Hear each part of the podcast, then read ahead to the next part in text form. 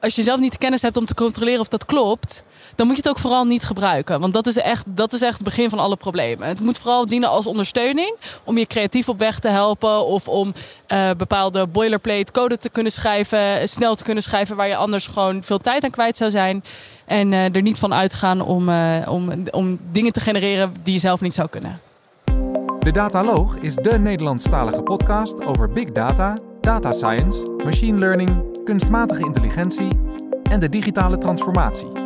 Luister naar onze wekelijkse podcasts, nieuwsupdates, specials en mini-colleges. Leuk dat jullie hier zijn bij de Big Data Expo. We hebben al heel veel opnames gedaan in de gangpaden en met de keynote sprekers. Maar nu ook nog een sessie in een zaal. En we zijn hier met uh, ja, twee gasten. Iris Weijers en Floor Eigenhuis. Leuk dat jullie er zijn. Dankjewel. En naast mij een van de andere hosts van de Dataloog, Eva Bosma. Goedemiddag. En we gaan het met jullie hebben over de zin en onzin van generatieve AI. Maar voordat we dat doen, laten we eerst de gasten zichzelf even laten voorstellen. Te beginnen met uh, Iris. Iris, wie ben je en uh, ja, wat doe je precies in het dagelijks leven? Uh, mijn naam is Iris Weijers. Ik werk als data-analyst en community builder voor Interfood, een internationaal handelshuis in zuivelproducten. Uh, ik hou mij veel bezig met datademocratisering, met data literacy en verder ook een grote interesse in, uh, in AI en uh, data science en alles wat daarmee te maken heeft. Goed, en naast jou hebben we Floor Eigenhuizen. Floor, yes. wat doe jij precies? Nou, ik ben Floor. Ik werk bij Google Cloud. Ik werk bij Google Cloud als partner engineer. Dus dat betekent eigenlijk dat ik onze partners ondersteun op technisch gebied. En dat is heel erg breed. Daarnaast heb ik een specialisatie in AI en interesseer ik me vooral in de ethiek van uh, artificial intelligence. Heel goed, ja. ja. Daar, daar willen we het vooral met jullie ook over gaan hebben. Aan de hand van een aantal stellingen willen we door het, uh, het gebied van generative AI gaan uh, navigeren. Maar willen we kijken of jullie er wel enig inzicht in hebben. Aan de hand van een, een korte quiz. De vraag is namelijk, het kunstwerk dat je hier achter me ziet, is dat oude kunst of is dat gegenereerd door generatieve AI? En daarvoor hebben jullie bordjes voor je liggen. In het groen en in het rood. Groen is oude kunst en rood is generatieve AI. Wat denk jij, Eva?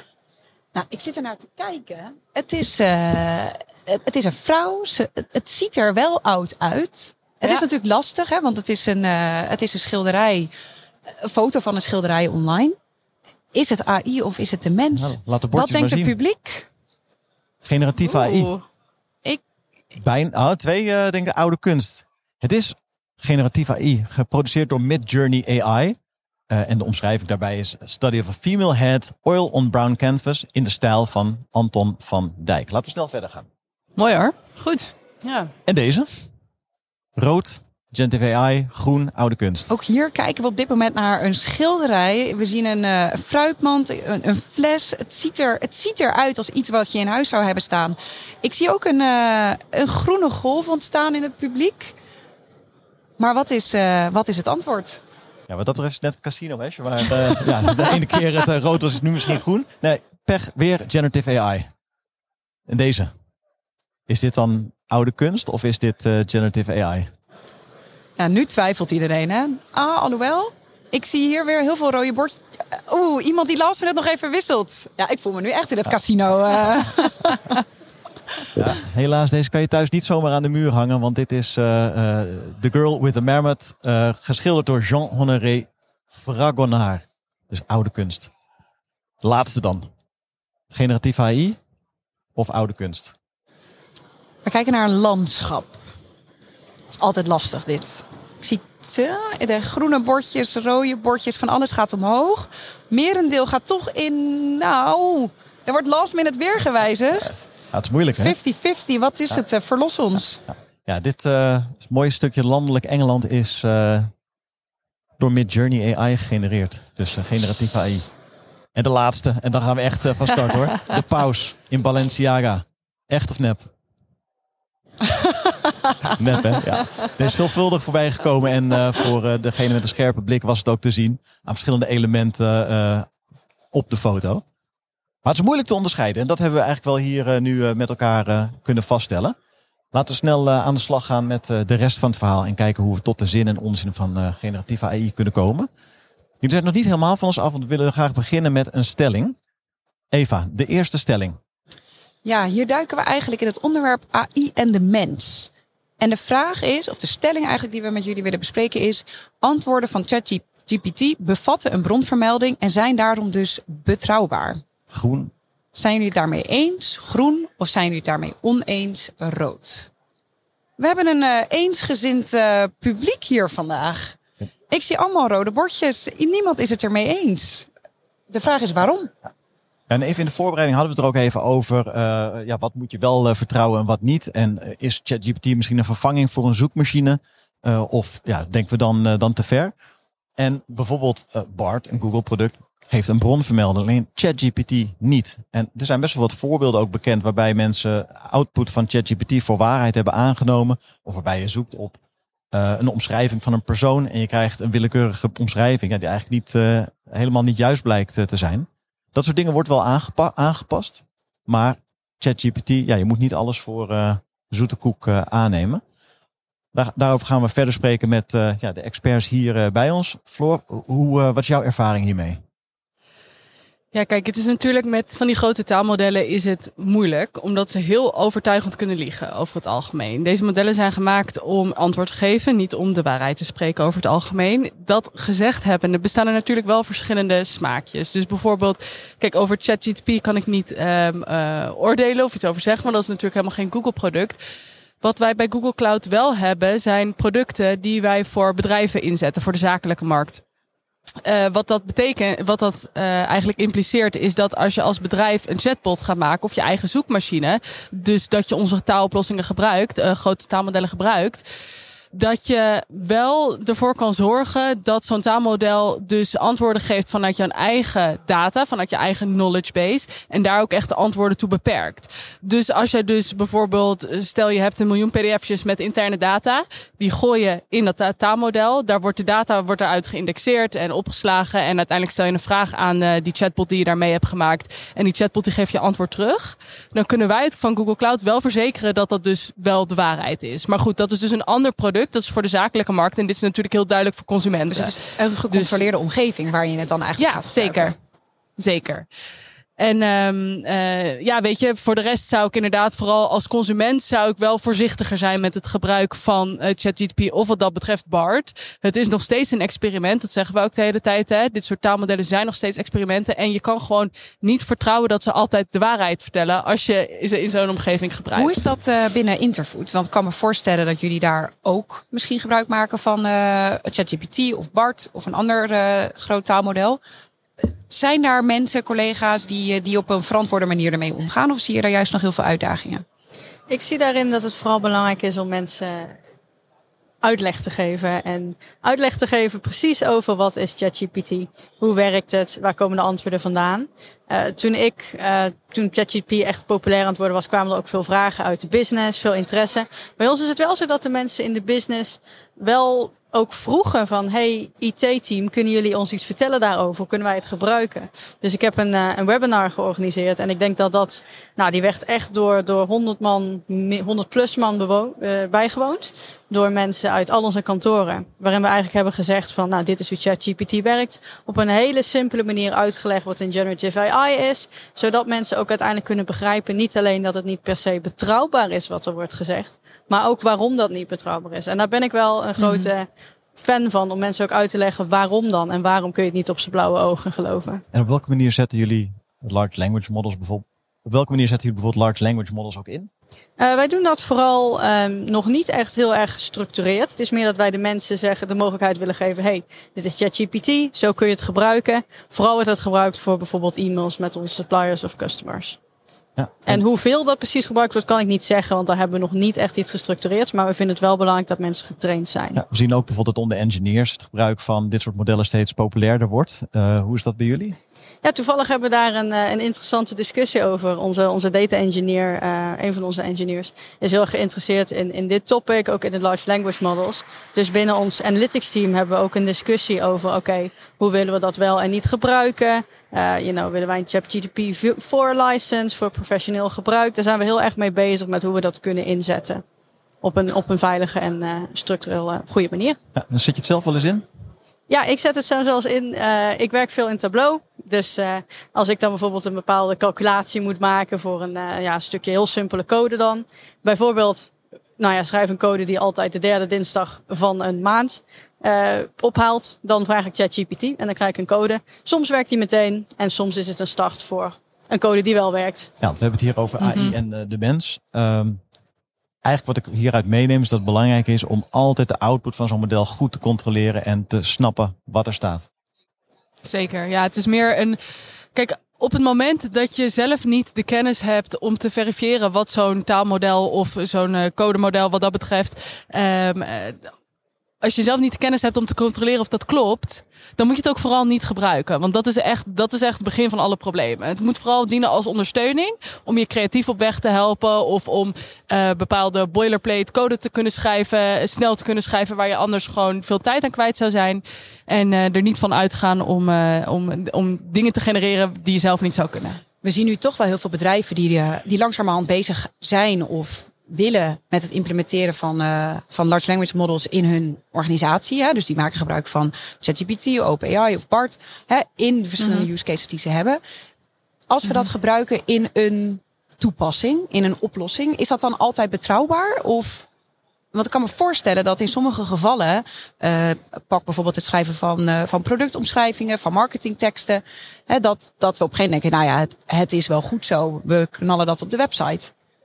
Ja, nou, weet je, nogmaals, je hebt het in verschillende smaakjes. Hè. En, en BART is ook uh, een model voor ons wat wij beschikbaar hebben gesteld voor consumenten. Dus dat is niet voor de zakelijke markt. We hebben een heleboel zakelijke oplossingen die daar wel geschikt voor zijn. Die tegelijkertijd ook hele belangrijke vraagstukken waar bedrijven vaak mee zitten. Zoals privacyoverwegingen. Waar gaat mijn data heen? Wie kan er allemaal bij? Wordt het teruggevoerd naar Google? Nou, het antwoord is nee. Eventjes voor de duidelijkheid. Maar dus weet je, de bedrijven zitten sowieso met hele andere vragen naar consumenten zitten. Is het betrouwbaar? Ik zou zeggen, um, tot op een zekere hoogte ja, maar gebruik het als startpunt voor een iteratie waar vervolgens nog een keer mensen overheen gaat. Hè. Ik zou dat nu nog niet aanbevelen om dat geautomatiseerd allemaal door te zetten als je bepaalde um, vraagtekens hebt bij, weet ik veel, goede brand representation of iets dergelijks. Ja. Wat denk jij Eva, door naar uh, de volgende stelling? Ik zeg uh, door naar stelling 2. Ja, dan gaan we het publiek ook weer uh, even activeren voor de volgende stelling. En die gaat over AI en ethiek. En de stelling hier is dat het gebruik van generatieve AI in de publieke sector verboden zou moeten worden. Ja, daar gaan we weer. Het is bijna Russian roulette. De, de ballen gaan weer rollen. Zo. Ik zie uh, voornamelijk uh, rood in het publiek.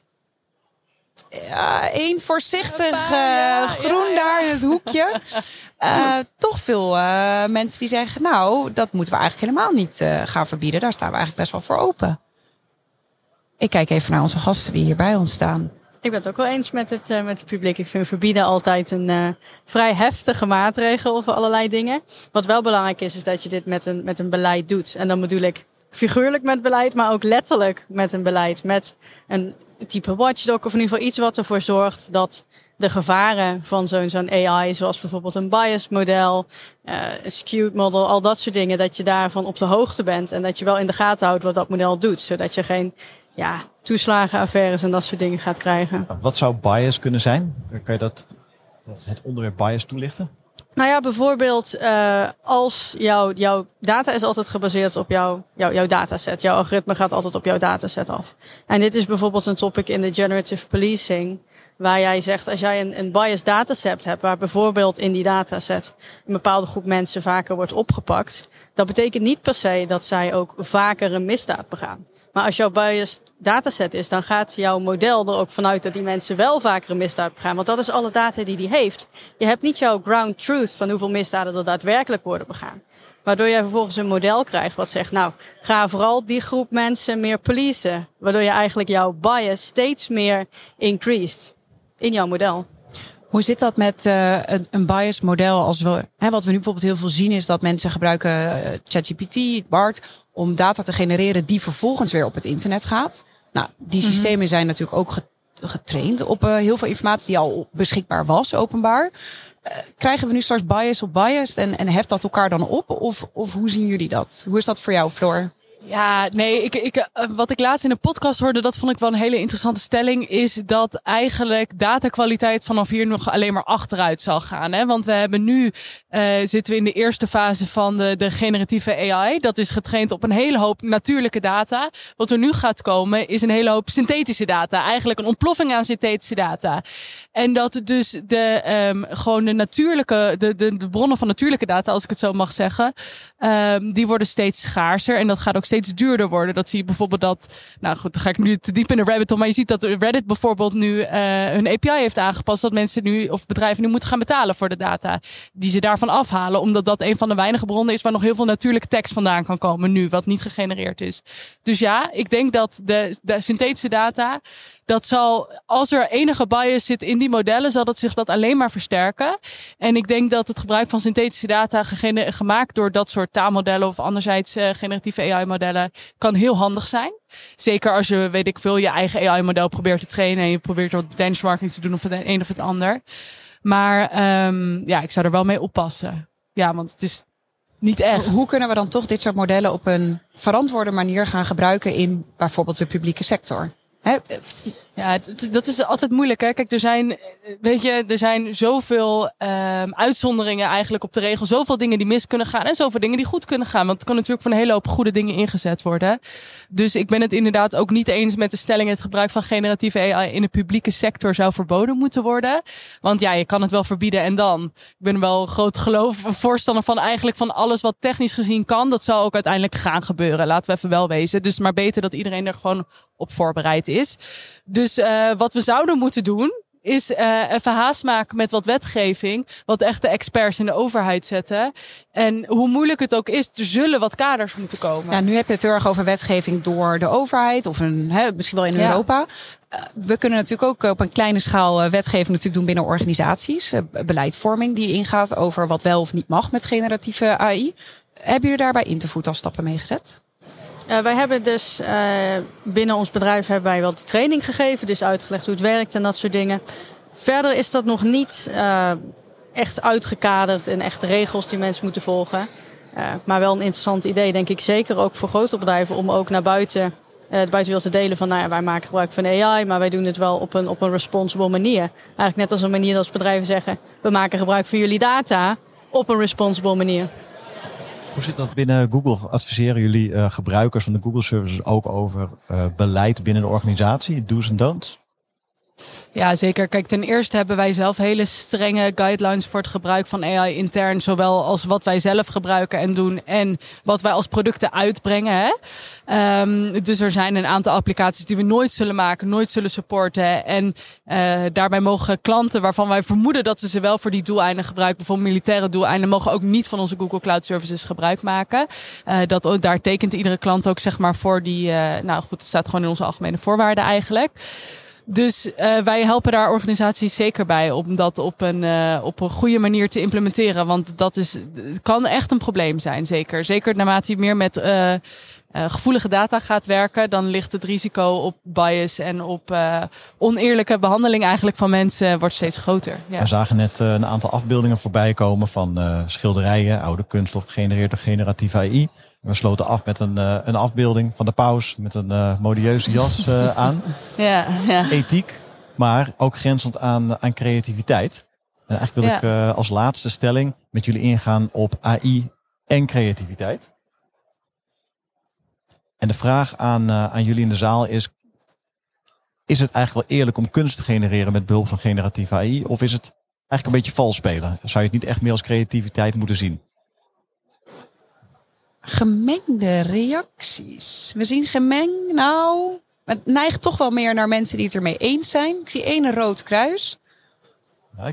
Oh, sorry, ik zie twee rode kruisen. En iemand die twijfelt heel erg. Nou, het is ook wel een lastige stelling inderdaad. Hè? Is het vals spelen als je generatieve AI inzet om kunst te maken?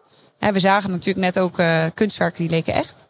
We zagen een paus in een Balenciaga uh, er zijn miljoenen mensen geweest die dachten dat dit echt was. Het stond hem wel goed. Het stond hem hartstikke goed. Maar het laat wel zien dat het tegenwoordig heel moeilijk is om, om eigenlijk nep van echt te onderscheiden. En dat zal denk ik ook belangrijker worden als het gaat hè, terugkomend op eigenlijk de eerste stelling, ook het vertrouwen van, van wat je ziet en wat je leest op het internet. Hoe kunnen wij als, als consument straks nog vertrouwen wat we zien? Ja, en tegelijkertijd eh, biedt generatieve AI en eh, technologie in het algemeen ook weer allerlei nieuwe manieren om met creativiteit om te gaan. Hè? De, de prompt engineer hebben we het wel vaker over gehad. Hè? Iemand die prompts maakt als vak. En geleerd daaraan, misschien eh, de AI-artist, die juist alleen maar op basis van generatieve AI aan de slag is met, met kunst. Floor, hoe zie jij dat? je bent zelf ook creatief. je, Ja. je maakt een eigen podcast, vertelde je al. Zeker. maar dat doe je gewoon gesproken. Dat is niet AI gegenereerd. Hoe Nee. zie jij die relatie tot AI en creativiteit? Ja, het is moeilijk. Hè? Kijk, dan is ook weer de vraag van wat is creativiteit? Bijvoorbeeld, is het creatief als je zelf een heel lekker recept maakt uit een kookboek en daar misschien nog wat het een en ander bij aanpast, weet je? Dus uiteindelijk eh, is het denk ik maar waar mensen behoefte aan hebben, wat mensen mooi vinden. Is het vals spelen? Ja, misschien een beetje, maar uiteindelijk zal het ook wel een soort van aparte categorie van kunst waarschijnlijk worden. En de beste artiesten die kopiëren toch ook gewoon van elkaar? Eh, Precies, dus zo is het ook. En uiteindelijk denk ik wel dat mensen behoefte zullen blijven hebben aan iets wat door een mens gemaakt is. Ik bedoel, er zal uiteindelijk ook een explosie komen van kunstmatige muziek bijvoorbeeld, wat nooit door een mens is ingezongen. Willen mensen daar naar luisteren? Nou ja, misschien wel. En dan zal je vast zien dat er weer eh, nog meer concerten komen, bijvoorbeeld overal. Want uiteindelijk zullen mensen toch behoefte blijven hebben aan menselijk contact. Dus we zitten nu in een beetje rare periode, denk ik, waarin heel erg het issue van copywriting ook bijvoorbeeld eh, een grote rol speelt. We zijn allemaal liedjes al die online te vinden van eh, bijvoorbeeld ingezongen door Drake, wat niet echt Drake was. Of eh, kunstwerken gekopieerd van eh, in een bepaalde stijl van een bepaalde artiest die, die eh, normaal alleen maar op commissiebasis bijvoorbeeld eh, voor iemand een schilderij maakt. Weet je, dat soort dingen, dat heb je nu gewoon. En uiteindelijk zal dat, zich dat wel uitkristalliseren hoe we dat precies doen. En de menselijke maat blijft altijd onvervangbaar, denk ik. Iris, hoe kijk jij daar, eh, daar tegenaan? Ik vind het een interessant topic. Eh vals spelen is een groot woord. Maar als jij zegt, of het doet voorkomen, als jij het, prikkelen, hè? ja, als jij het met de, met de hand hebt gemaakt, als je dat wel pretendeert, dan is het wel, dan snap ik heel goed het gevoel van vals spelen. Waarom willen mensen kunst zien? Als het is plaatjes die ze mooi vinden, prima. Maar als het echt is van, als je echt zegt, ja, ik, ik geniet ervan om te zien wat mensen met hun handen kunnen maken. Ik vind het wel heel prettig als ik bij een artwork weet hoe dat is gemaakt, of, of dat gegenereerd is, of die met de hand is gemaakt. En ik denk dat dat ook een beetje is waar de, het pijnpunt zit Ja. eh, bij de artiesten online. En het is ook de ambacht natuurlijk, wat Het is mensen de vaak ambacht. waarderen. Hè? Dus eh, het is niet zozeer, ja, ik denk niet, het gaat geen vervanging zijn voor de echte ambacht, denk ik. Maar het gaat dingen die misschien nu nog niet bestempeld worden als ambacht. Of wel bestempeld worden als ambacht, maar misschien niet zijn wel. Ja, natuurlijk. Maar werden DJ's vervagen. 100 jaar geleden beschouwd als ambacht? Nee, Nee. ook niet. Dat bestond toen ook nog niet. Maar ik bedoel, dan hadden ze ook gezien van wat doet iemand op een computer een beetje een paar knop- knopjes indrukken. Is dat een ambacht? Nee, maar nu wel. Dus weet je, we zitten nu ook gewoon in een soort van transitiefase, denk ik. Ja. Nou ja, de creativiteit gaat hem, wat jij net ook al zei, Walter, veel meer zitten in de prompt die je meegeeft Mhm. aan je systeem. Zeker. Hè, hoe specifieker en hoe creatiever en unieker dat misschien is, Mhm. Eh, des te unieker is ook het reactie of de, de respons die je terugkrijgt van je model. Ja. Dus daar kan de creativiteit dan misschien in zitten. Zeker. En ik denk ook dat het te maken heeft met het voorbeeld als je echt mensen die, die hun geld verdienen met het tekenen van karakters van mensen. Bijvoorbeeld komt heel veel online voor. Nou wil je mijn online karakter tekenen in jouw stijl. En als het echt gaat om een AI die echt die stijl gaat kopiëren, dan, dan maak je ook heel erg inbreuk eigenlijk op de, de creatieve identiteit van die persoon en zijn, zijn of haar manier om geld te verdienen. Dus daarom is het wel goed dat er daarom dan copyright, dat die regels ook bijgesteld worden. Want ik denk dat de oude copyright regels voor een deel niet dat deel van de AI helemaal kunnen coveren. En dat is wel belangrijk dat dat wel gedaan kan worden. Zodat die wel de artiesten die geen AI-artists zijn, maar echt de ambachtleden, Zeker. so to speak, nog wel de, de, de reward voor hun werk kunnen krijgen. Ja.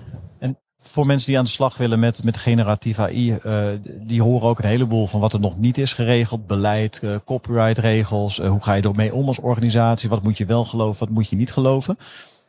Ehm, zijn bedrijven soms niet wat te voortvarend om aan de slag te gaan met deze tooling? Is het eigenlijk wel klaar voor om al geïntegreerd te worden binnen ja, professionele organisaties? Zeker, ja hoor, zeker. Nee, dat, uh, dat nemen wij als Google Cloud echt heel serieus. Uh, om te zorgen dat het wel op een veilige manier kan en dat de data privacy alles goed gewaarborgd is voor onze klanten. Dus uh, ja, ik zou zeggen, als je de goede tools gebruikt, gebruik zakelijk geen tools die voor consumenten bedoeld zijn. Dat zou ik vooral willen meegeven. En ga er vooral mee aan de slag en kijk wat het voor jouw bedrijf kan betekenen. Ja. ja. Iris, als we uh, ook, uh, ja, we hebben, uh, Floor geeft een hele goede tip. Hè. Gebruik geen consumententools in een zakelijke omgeving. heb jij er nog tips aan toe te voegen als je aan de slag wil met generatieve AI? Ja, wat voor mij een, een belangrijke een belangrijke tip is, is wees altijd enthousiast, maar wees ook altijd sceptisch. Mm -hmm. Weet waar je mee bezig bent. En dit is er eentje die is uh, dear to my heart, so to speak. Is vergeet ook je menselijke, menselijke touch niet. Als jij een leuk gesprekje moet, maar, moet voeren om, of een leuke tekst moet schrijven om jezelf voor te stellen, schrijf je eigen tekst. Gooi het niet door ChatGPT omdat je denkt, oh ja, dit kan een mooie tekst schrijven, kom ik hartstikke goed over. Nee, ik vind, wij hebben heel veel klantcontact bij ons. En ja, mensen, wij zeggen tegen mensen of het gebeurt. Kan ik niet zeggen, maar we zeggen, nou, je kunt het eventueel gebruiken om bijvoorbeeld wat, wat je mails wat vloeiender te laten lopen. Maar ik zou nooit willen zeggen, gooi al je mails door een AI, laat al je mails schrijven door een AI. Het is zo jammer als we dan al onze menselijke individualiteit kwijtraken. Uh, weet je, de ene stuurt een e-mail met een smiley, de andere die maakt hele lange zinnen. Ja, ja ik ja. vind het alleen maar mooi. Ik hoop ja. dat we niet allemaal hetzelfde gaan klinken in de nee. toekomst, want dat zou ik wel heel saai vinden. Ja. nou, dat vind ik echt een hele mooie ook om mee te eindigen. Van, hè, generatieve AI, er kan een heleboel. Uh, we moeten nog wel met elkaar kritisch nadenken. Hey, wat zijn de kaders waarin we dit eigenlijk willen gaan doen? Vanuit de consument, maar ook vanuit de organisaties.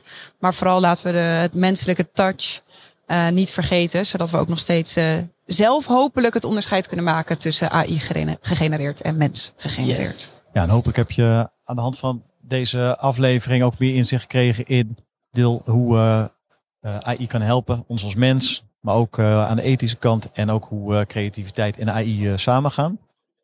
Bedankt voor ook jullie inbreng hier op de Big Data Expo. En bedankt voor het luisteren. Dankjewel. Bedankt voor het luisteren naar deze uitzending van de Dataloog. Vond je onze podcast leuk, goed, interessant of wellicht te veel ene en nullen? Laat een review achter of geef thumbs up. Heb je vragen of opmerkingen? Kijk dan ook eens op www.dedataloog.nl. Hier staan ook de show notes van alle uitzendingen. Je vindt onze nieuwe uitzendingen wekelijks op iTunes, Stitcher, Spotify en alle andere bekende podcastplatforms. Alles wat wij maken doen we onder Creative Commons. Je mag alles hergebruiken voor niet-commerciële doeleinden, zolang je ons als bron maar noemt. Volg ons op Twitter op @dedataloog. Graag tot de volgende keer.